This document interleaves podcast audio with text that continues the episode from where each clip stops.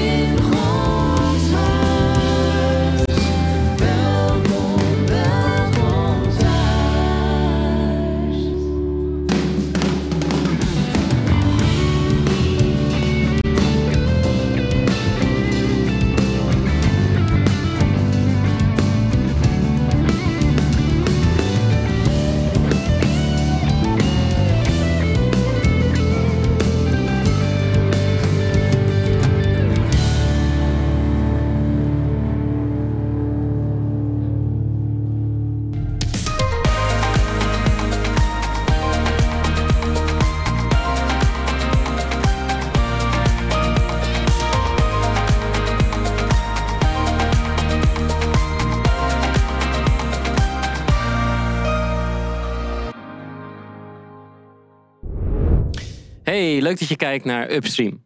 Bij Upstream willen we je meenemen in het verhaal van de Bijbel via allerlei thema's die in je leven voorbij kunnen komen.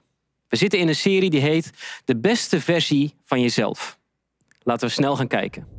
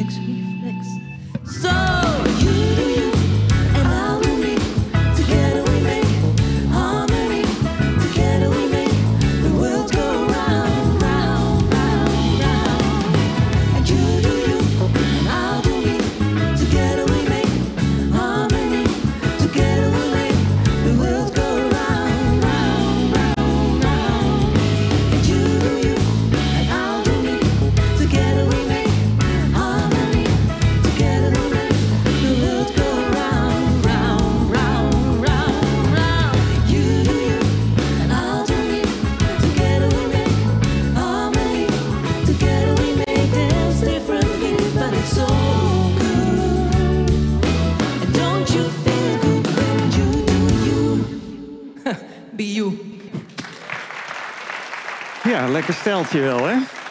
Beetje, als je zit, dan is dat wat lastig, maar anders krijg je toch de neiging een beetje te dansen. Mooi, eh, Sonja. Die haarstijl past er ook al een beetje bij, hè? Een beetje dreadsachtig zo. Heb je dat speciaal gedaan voor dit nummer? Heel goed. You Do You, een nummer uit eh, 2020 van Jason Mraz... die eh, zelf een hele andere haarstijl heeft. Eh, in ieder geval eh, een hoedje op altijd, eh, dus je kunt er eigenlijk niet zoveel van zien. You do you and I'll do me. Jij doet jij en ik doe mij. Letterlijk vertaald. Who it is that you want me to be. I can be, I can only do me. Wie je wilt dat ik ben, kan ik niet zijn. Ik kan alleen mij doen. Ehm, want, zo zingt hij... ehm, There's only one of me, incredibly, uniquely designed. I'm kind of dope, because I'm one of a kind. Er is maar één van mij, ongelooflijk, uniek ontworpen. Ik ben een beetje dope, want ik ben uniek. Ja, hoe vertaal je zoiets, hè? Zeg maar. Ehm, enig zijn soort. Ja, nou, daar eh, ben ik het eigenlijk helemaal mee eens. Dat, eh, dat dat heel uniek is eigenlijk, hoe de mens is. Onvoorstelbaar eigenlijk. En niet alleen de mens, veel meer dan dat. Maar ieder mens, om te beginnen, is helemaal uniek. Ik weet niet of je er ooit over nagedacht hebt. Ehm, de PRB, Population Reference Bureau, zit in Washington, heeft zich bezig gehouden met de vraag hoeveel mensen er ooit op aarde hebben geleefd. En tot en met 2020, en ze gaan met de schattingen nog wat verder, zijn dat naar schatting 117 miljard 20 miljoen 448.000 en 575 mensen. Het zal niet op één komen. Het is een schatting, maar een enorme hoeveelheid mensen die er al geweest zijn, die geleefd hebben op aarde, die hier geboren zijn en kort of langer hebben geleefd. En niet één daarvan is hetzelfde. Niet één heeft hetzelfde DNA. Ook een een-eigen meerling niet. Ook die hebben geenzelfde DNA, wel op hoofdlijnen, maar als je wat dieper gaat, hebben ze ook een verschillend DNA. Ieder mens is totaal uniek. Nou, dat is best heel bijzonder. En dat unieke zie je eigenlijk overal in de natuur weer terug. Om te beginnen geldt dat voor de zogenaamde anorganische materialen, zoals nou, neem zandkorrels of ijskristallen. Eén sneeuwvlok, misschien heb je het wel eens gehoord, kan uit honderden of zelfs duizenden afzonderlijke ijskristallen bestaan. Als je een microscoop hebt en een sneeuwvlok um, daaronder legt, dan zie je dat. Die allemaal een zesvoudige structuur hebben. En elke ijskristal die deel uitmaakt van een sneeuwvlok, heeft zijn eigen unieke vorm en grootte. Er zijn nooit twee dezelfde ijskristallen gevonden. En ja, om er zeker van te zijn dat ze er ook nooit zijn geweest en ook nooit zijn, ja, moet je ze allemaal onderzoeken en dat wordt natuurlijk heel lastig. Maar er wordt oprecht aangenomen vanuit wetenschappelijke studie dat er geen twee dezelfde ijskristallen zijn. Nou, dit principe van uniciteit geldt voor alles in de natuur. Het geldt ook voor organismen. geen mens, geen vogel, geen mier, geen fruitvlieg is hetzelfde. Allemaal afwijkend, allemaal uniek, allemaal als het om organisch gaat met het unieke DNA. Er is wel een verschil tussen het uniek zijn, de uniciteit van levende organismen, zoals planten, dieren, mensen, schimmels en dergelijke, en de zogenaamde anorganische materialen, zoals we net noemden, zandkorrels en ijskristallen. Anorganisch materiaal krijgt zijn vorm en eigenschap via natuurlijke processen, van buitenaf dus, terwijl organismen hun vorm, kleur, geur, grootte, wijze van voortplanting, daar hoort dit plaatje nog niet bij, die wel, wijze van voortplanting, etc., krijgen via de genetische instructie van ons DNA. Dit is zo'n DNA-streng, zo'n helix, die je wel vaker voorbij ziet komen. Um, en daar zit, dat zit vol instructie. Instructie van, als je het over de mens hebt, hoe groot we worden, hoe we eruit zien ehm, ehm, welke kleur, welke kleur ogen, haar. Alles zit eigenlijk als instructie daar in dat DNA. Nou, waarom kwam dat eh, plaatje van dat gebouw voorbij? Nou, mijn vader was architect en ehm, onder andere van de Amerikahal. Uh, mensen die eh, uit Apeldoorn en omgeving komen kennen dat misschien nog. Het bestaat inmiddels niet meer, maar Ehm, toen hij dat aan het ontwerpen was, toen uh, moest hij daar ook een bestek bij schrijven. Misschien wel eens gehoord uh, van die term. En dat betekent eigenlijk een beschrijving van hoe dat gebouw eruit moet komen te zien. Daar hoorden ook tekeningen bij, maar die zou, zelfs, zelfs tekeningen zou je in tekst kunnen vangen. Dus er werd een heel bestek getypt. Met dat bestek ging de aannemer aan de slag en dan komt eruit wat de architect in zijn hoofd heeft. Zijn ontwerp wat hij heeft gemaakt, wordt dan zichtbaar en dat wordt dan gebouwd. Dus dat bestek is eigenlijk hetzelfde wat in ons DNA zit. Er zit een bestek in waarin de ontwerper al vooraf bepaald heeft hoe we eruit zouden komen te zien. Nou, als je nog eens rustig wil bestuderen hoe dat allemaal werkt met DNA, kun je dit beddengoed bestellen. Uh, daar staat het allemaal op. En uh, dan, he, laat je gewoon wat later, langer het licht aan. Uh, DNA bevat dus instructie. En instructie is informatie. En informatie wordt niet geschreven met ene en nullen in ons DNA. Uh, zoals in computertaal. Het bestaat ook niet uit 26 letters, zoals wij ons alfabet gebruiken om informatie over te dragen. Maar de instructie in DNA wordt als het ware geschreven met vier letters. En die hebben de letters C, G, A en T gekregen. In werkelijkheid zijn het stikstofbazen die onderdeel uitmaken van het DNA. Nou, het genoom, ook wel eens een term die je misschien wel eens hebt gehoord, is het geheel van de instructie. Je zou het een bouwboek kunnen noemen, die in iedere cel van ons lichaam zit geldt ook bij planten en dieren en schimmels. Iedere cel waaruit het is opgebouwd, zit die volledige instructie in. Nou, een genoom van de mens bestaat uit ongeveer 3 miljard letters. dat is een behoorlijke uh, tekst. Dat zijn ongeveer 1 miljoen pagina's als je die uittypt in een 12-punts lettertje. Uh, dat is een boek van 200 meter dik. En dat zit in iedere cel van ons lichaam. Die volledige instructie. Ieder mens bestaat weer uh, voor op zijn beurt uh, uit ongeveer 40 biljoen cellen. Dat zijn 40.000 miljard cellen. Die zie je niet als je in de spiegel staat, voor de spiegel staat, maar die heb je wel. En dat is alles bij elkaar dus een flinke boekenplank vol. Ik heb het even voor je uitgerekend. de boekenplank die je daarvoor nodig hebt, die moet 8 kwadriljoen meter breed zijn. En dan kan dat hele bouwwerk erop. Ik heb maar niet uitgerekend hoeveel IKEA Billy-kasten, boekenkasten je daarvoor in elkaar moet zetten.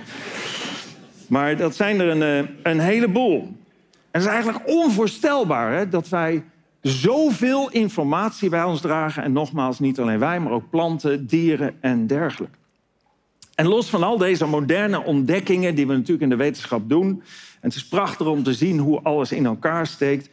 Los van deze moderne ontdekkingen waren ze vroeger ook al zeer onder de indruk van de schoonheid en de complexiteit van de natuur. Want ook al zie je geen molecuul of cel, kun je enorm onder de indruk komen van de variatie van planten en mensen en dieren en dergelijke.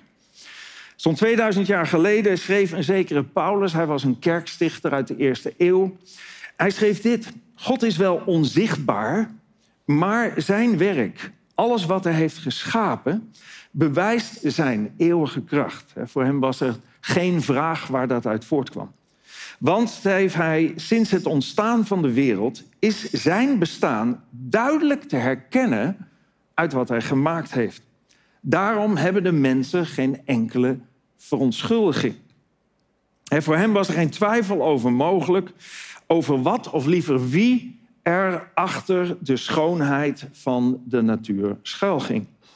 En met de kennis van nu zou dat eigenlijk nog duidelijker moeten zijn, nog duidelijker moeten worden.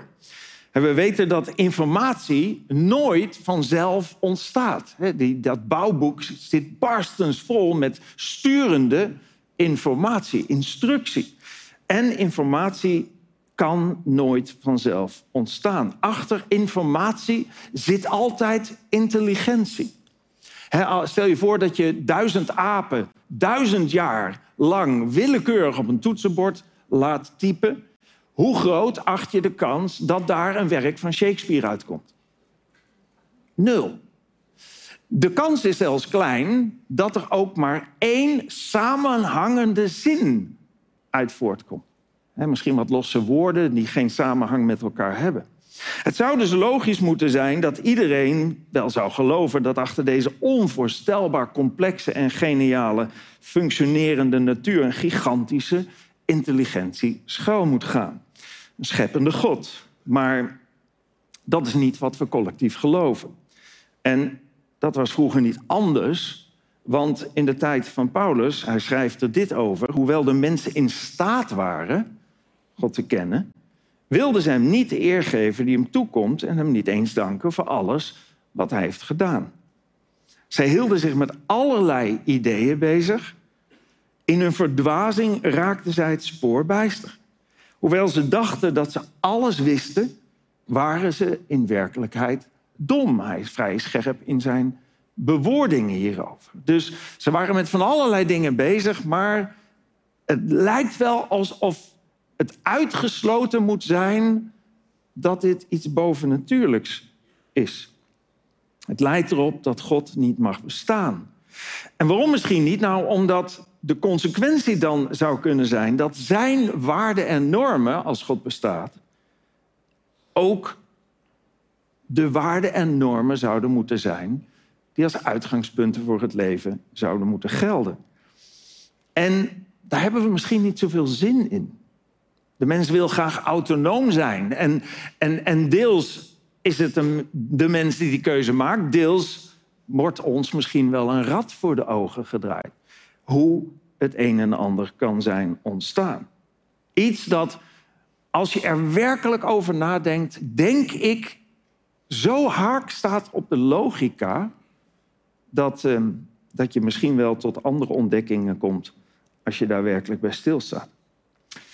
There's no one like me, incredibly unique designed. I'm kind of dope because I'm one of a kind. I can only be how God made me, zegt hij in het nummer. En ik kan alleen maar zijn zoals God mij heeft gemaakt. Nou, dat ben ik met de zanger van You Do You eens. Maar hij zong ook I can only do me. En daar ben ik het niet mee eens.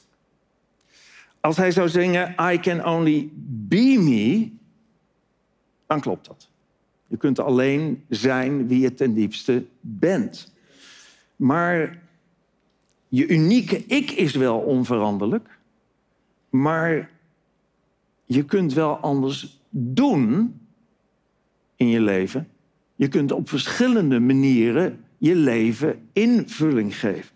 Wie je ten diepste bent, daar heb je geen invloed op. Maar wat je vanuit je zijn doet, dat is een keuze.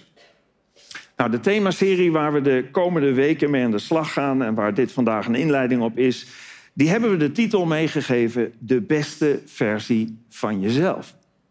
En we gaan de komende weken nadenken over de vraag: hoe kun je nou de beste versie van jezelf, van je unieke ik, worden?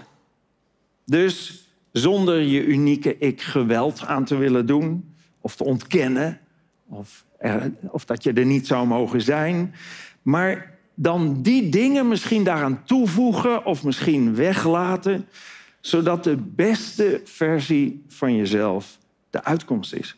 En waarom is dat belangrijk? Nou, we hebben allemaal eenzelfde verlangen. Ik ken jullie lang niet allemaal, een heel aantal wel. Maar één ding weet ik zeker van iedereen die er zit, weet ik zeker van iedereen die dit kijkt. We hebben allemaal het verlangen om gelukkig te zijn. En daar zijn we ook mee bezig.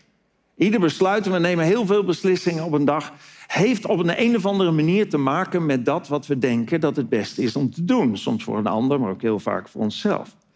En gelukkig willen zijn is een goed streven. Want als je gelukkig bent, is dat in de eerste plaats natuurlijk fijn voor jezelf, maar ook voor je omgeving. Als jij gelukkig bent, Als jij lekker in je vel zit, als je blij bent, heeft dat een positief effect op iedereen in je omgeving ook. Iedere relatie heeft daar baat bij. De relatie met je partner, met je vrienden, met je kinderen, met je collega's, met je buren. Iedereen heeft er baat bij wanneer je gelukkig bent. Maar de vraag is, wat is er voor nodig om gelukkig te zijn? Nou, als je die vraag op een verjaardag stelt, of waar dan ook, of je typt het in op internet, krijg je natuurlijk de meest uiteenlopende antwoorden. Antwoorden die ook 180 graden haaks op elkaar staan. Die heel verschillend zijn. En dan is de vraag, maar ja, wat moet ik nou kiezen? Wat is dan die weg naar geluk? Nou, het is denk ik duidelijk dat ik geloof dat God de mens gemaakt heeft. Ik geloof ook dat God heel graag wil dat we gelukkig zijn. En ons via de Bijbel ook alles aan wil reiken om in het hier en nu maximaal gelukkig te zijn. Je zou kunnen denken, maar hoe zou een oud boek als de Bijbel mij kunnen helpen om de juiste keuzes te maken in het moderne hier en nu? De tijden zijn zo verschrikkelijk veranderd. De omstandigheden zijn zo anders. Dat klopt. En toch zijn de thema's waarover de Bijbel spreekt in dit kader volstrekt tijdloos. Waarom? Nou, omdat net als toen wij ook mensen zijn. Met dezelfde type verlangens, met dezelfde uitdagingen, met dezelfde moeite. En daarom is de Bijbel eigenlijk tijdloos in wat het zegt. Nu is de reputatie van God en de Bijbel en van Jezus eh, over het algemeen niet zo heel best. God zou een boze, oude, straffende God zijn. Jezus komt er vaak net iets wat beter af, maar dan vooral positieve uitspraken die hij misschien heeft gedaan. Het geloven in de Bijbel, dat blijft ouderwets achterhaald in onze perceptie heel vaak. En gaat over dingen die je niet wilt, maar wel moet. En dingen die je wel wil, maar niet mag. Dat is vaak de gedachte die de Bijbel oproept. Maar stel je nou voor dat jouw beeld over God, over Jezus, over de Bijbel het gevolg is van een stukje propaganda. Van leugens die misschien wel worden verspreid en die je misschien op allerlei plekken meekrijgt, maar die dus leugens zijn. En de Bijbel zegt dat er een leugenaar is. Het kwaad, de tegenstander van God. Toen Jezus op aarde was, zei hij over hem de duivel. En in het Grieks staat daar dia, diabolos. Dat betekent hij die de zaken verwart, de door elkaar gooier. Heeft nooit aan de kant van de waarheid gestaan, omdat er geen waarheid in hem is. Wanneer hij leugentaal spreekt, spreekt hij zoals hij is. Want hij is een aardsleugenaar. Hij is de vader van de leugen. Oftewel, hij heeft niet het goede met ons voor, waarvan ik geloof dat dat voor God wel geldt. Maar hij heeft juist voor om ons te verleiden, af te halen, weg te trekken bij dat wat goed voor ons is. Kijk, dat je misschien niet heel positief bent over de kerk en over kerkmensen, dat kan. Kan ik me ook nog voorstellen. De kerk heeft dat, dat, dat zou de plek moeten zijn die God en de Bijbel ten volle vertegenwoordigt. En Gods liefde ten volle vertegenwoordigt. En daar is al heel veel fout gegaan. Waarom? Omdat de kerk gevuld zit met mensen die kwetsbaar zijn ook om fouten te maken. En ondanks het feit dat het niet de bedoeling is, gebeurt het toch en soms in ernstige mate. En ik kan me voorstellen dat dat je niet positief stemt. Maar een nare bijsmaak over de Bijbel, over God en Jezus en over Gods leefregels zijn mijn inziens, mijn niet terecht en misschien meer aangepraat dan ervaren. Misschien meer het gevolg van leugens die worden verspreid dan de waarheid. En ik wil jullie een moment geven, we doen dat iedere keer, om heel even met elkaar in gesprek te gaan over deze vraag. Wat was of is jouw mening over God, over Jezus, de Bijbel en de leefregels die in de Bijbel naar voren komen, voor zover je die kent? Wat is nou jouw perspectief? Je mag er even zelf rustig over nadenken voor je uit blijven kijken als je er liever met niemand over praat. Je mag met iemand die naast je zit het er even over hebben. Of als je dit online volgt, met iemand erover hebben. Neem even een paar minuutjes om over deze vraag na te denken. Wat was of is jouw mening over God, Jezus, de Bijbel en de leefregels die in de Bijbel naar voren komen, voor zover je die kent? Je mag nu beginnen met praten.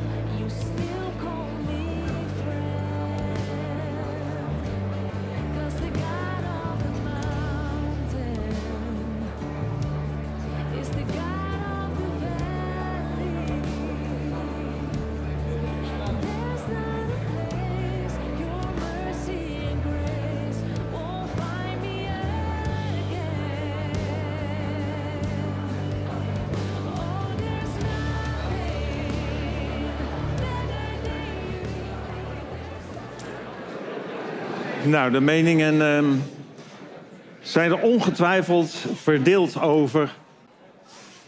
En eh, wellicht heb je ook een hele verandering in je leven meegemaakt als het gaat om de kijk op God of op de Bijbel.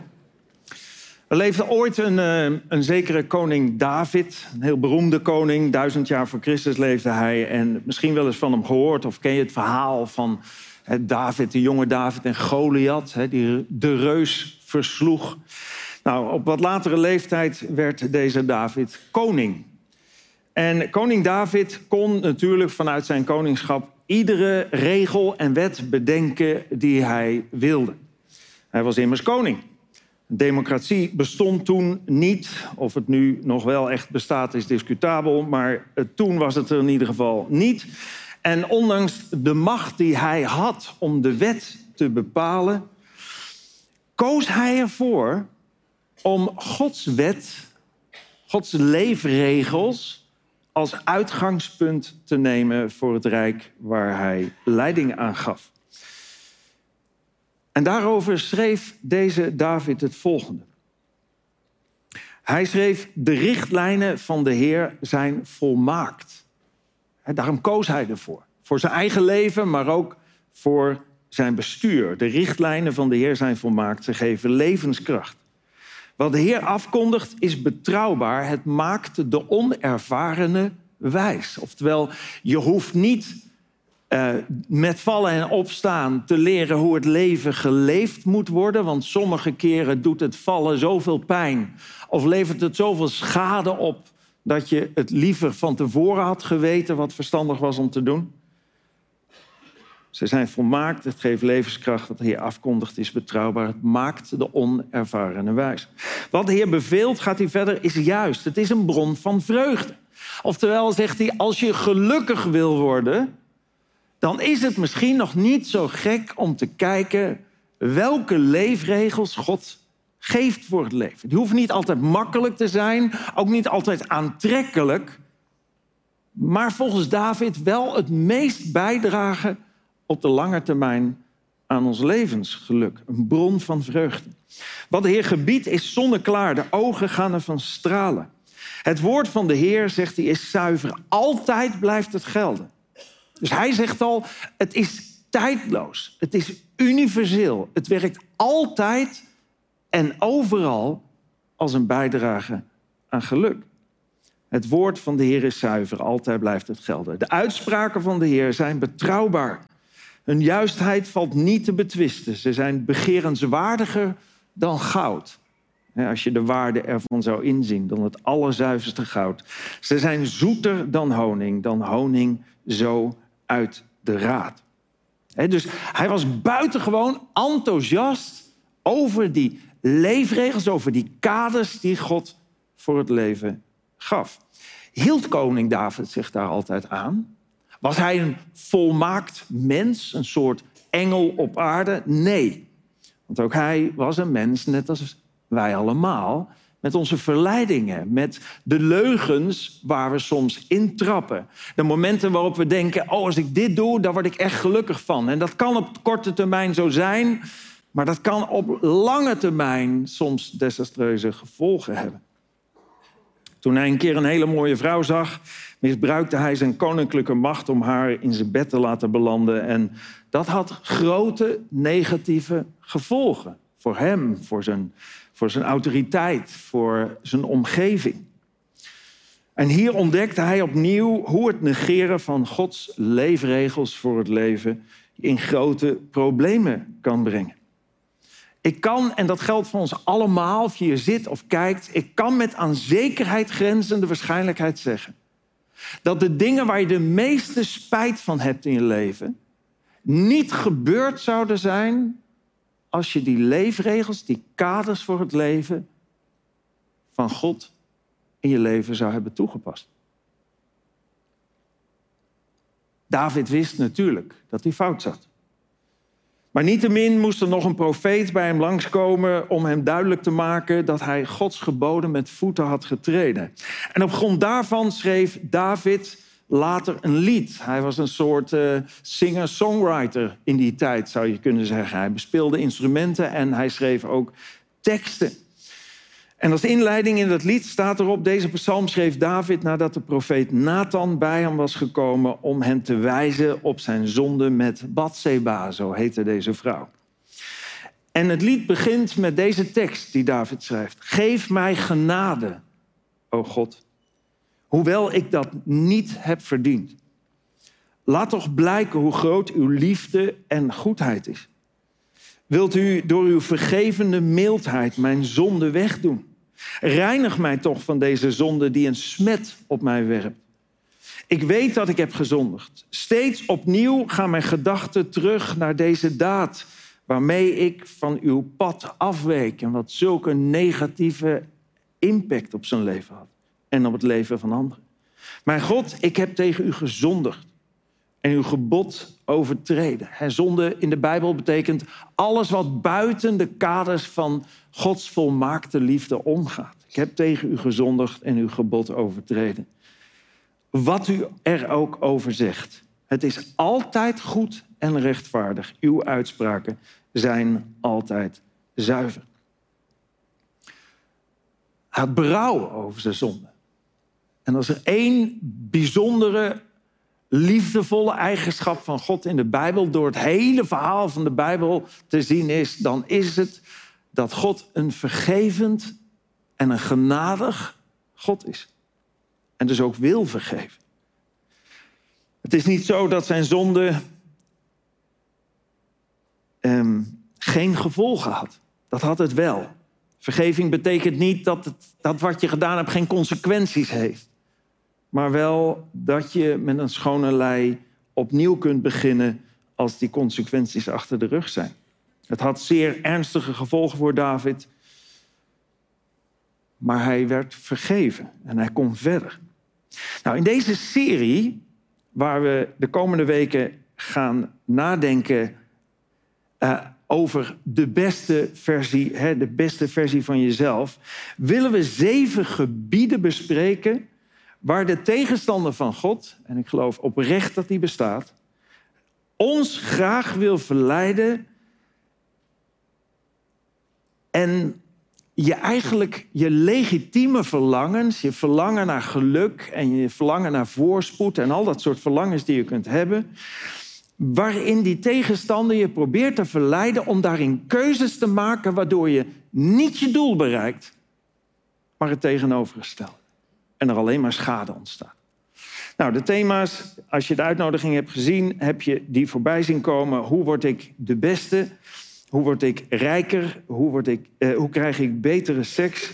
Hoe word ik tevredener? Hoe kan ik eten zonder dik te worden? Hoe word ik vrolijker en hoe word ik productiever? We hebben op de uitnodiging daar geen data bij gezet wanneer welk thema is. Ehm, dat is een cliffhanger om bij alles te komen als je er één specifieke wilt meemaken. Ehm, vanuit deze verlangens die we hebben, en nogmaals, legitieme verlangens. Het is prima om heel goed ergens in te zijn en te worden. Het is heel prima om rijk te willen zijn, heeft de Bijbel niks op tegen. Het is prima om goede seks te hebben, om tevreden te zijn, om te eten zonder dik te worden, om vrolijker te zijn en productiever. Is niks mis mee vanuit Bijbels perspectief. Maar vanuit deze verlangens gaat er veel fout. Zoveel en al zo lang dat een zekere paus Gregorius de Grote, wie kent hem niet, hij was paus van 590 tot 604 na Christus, een lijst maakte met erop wat hij noemde de zeven belangrijkste zonden.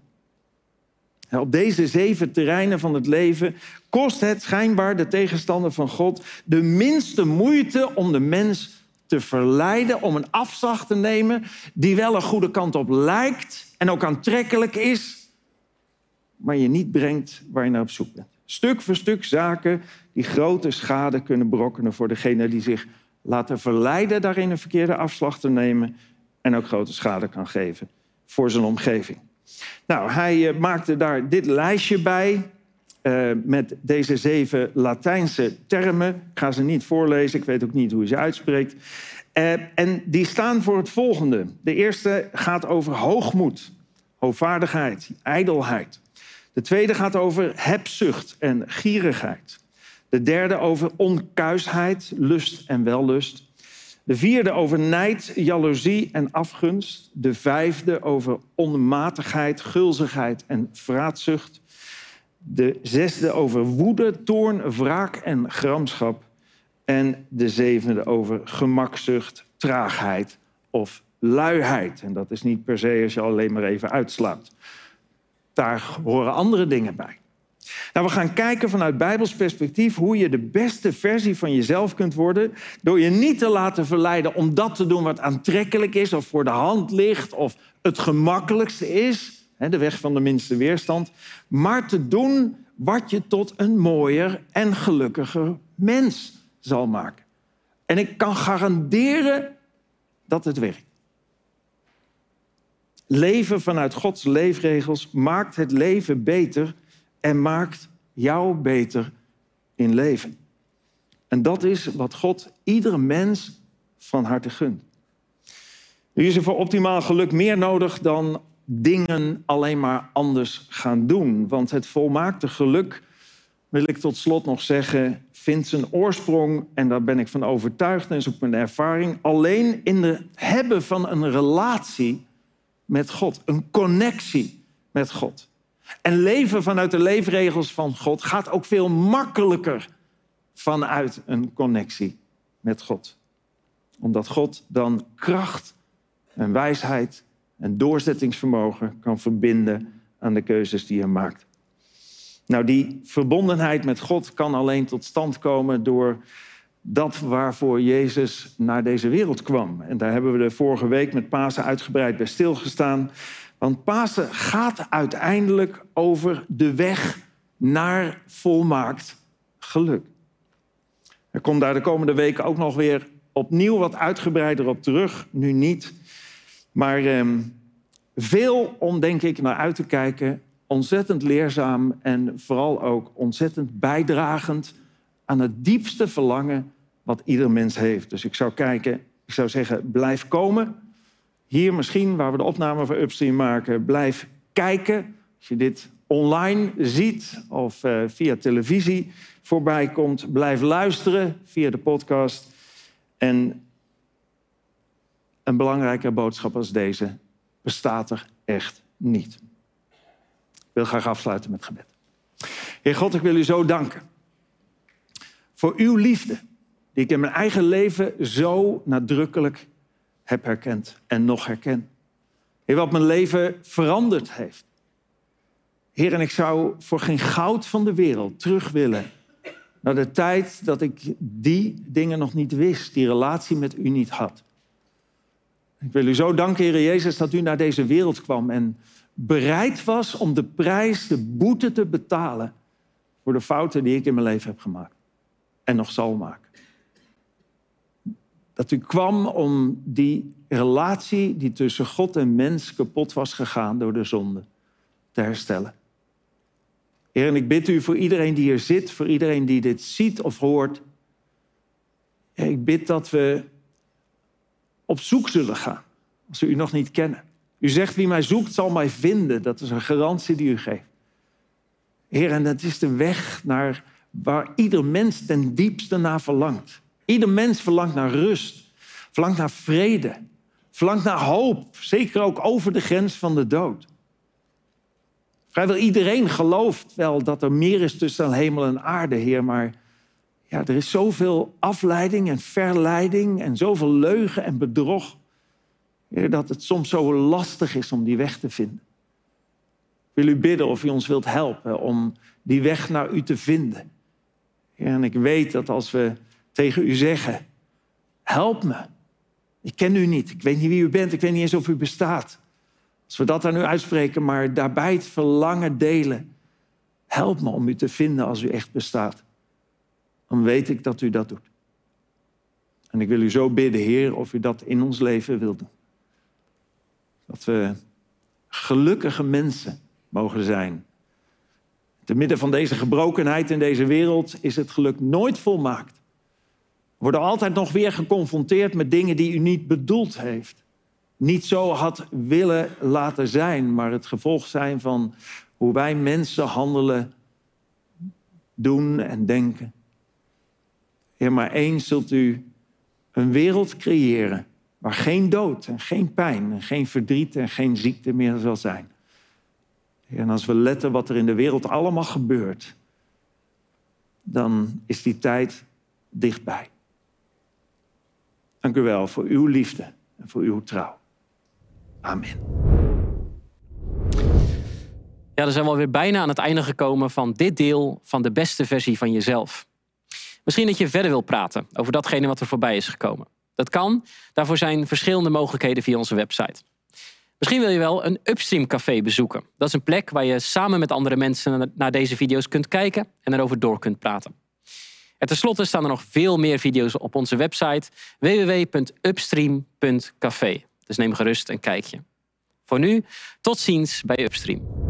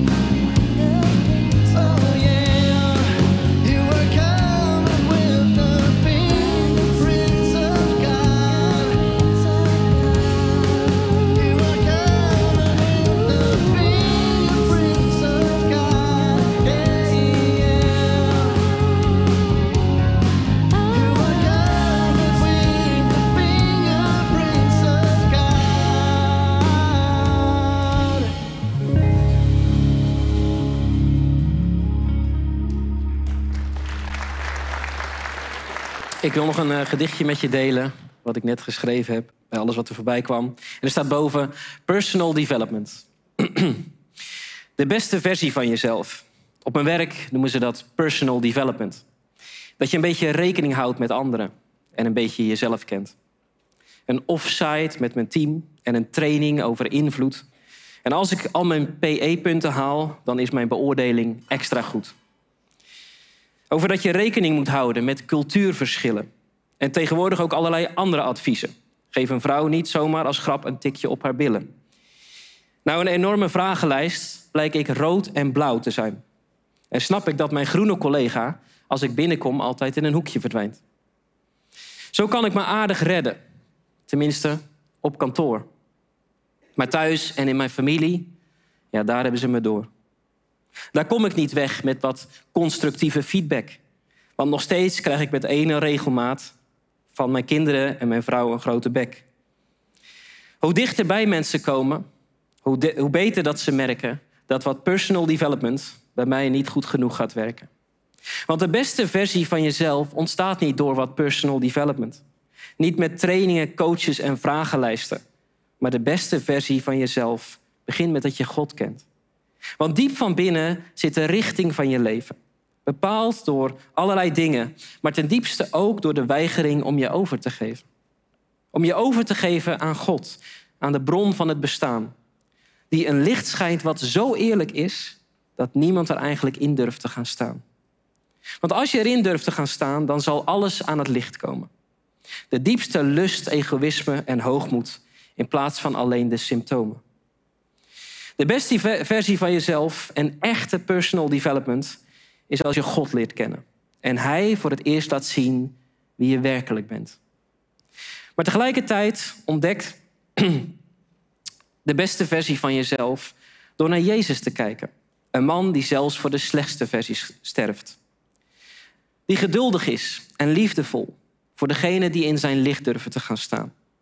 Voor degenen die het niet willen laten bij wat trainingen, maar die net als Jezus de moeilijkste weg willen gaan.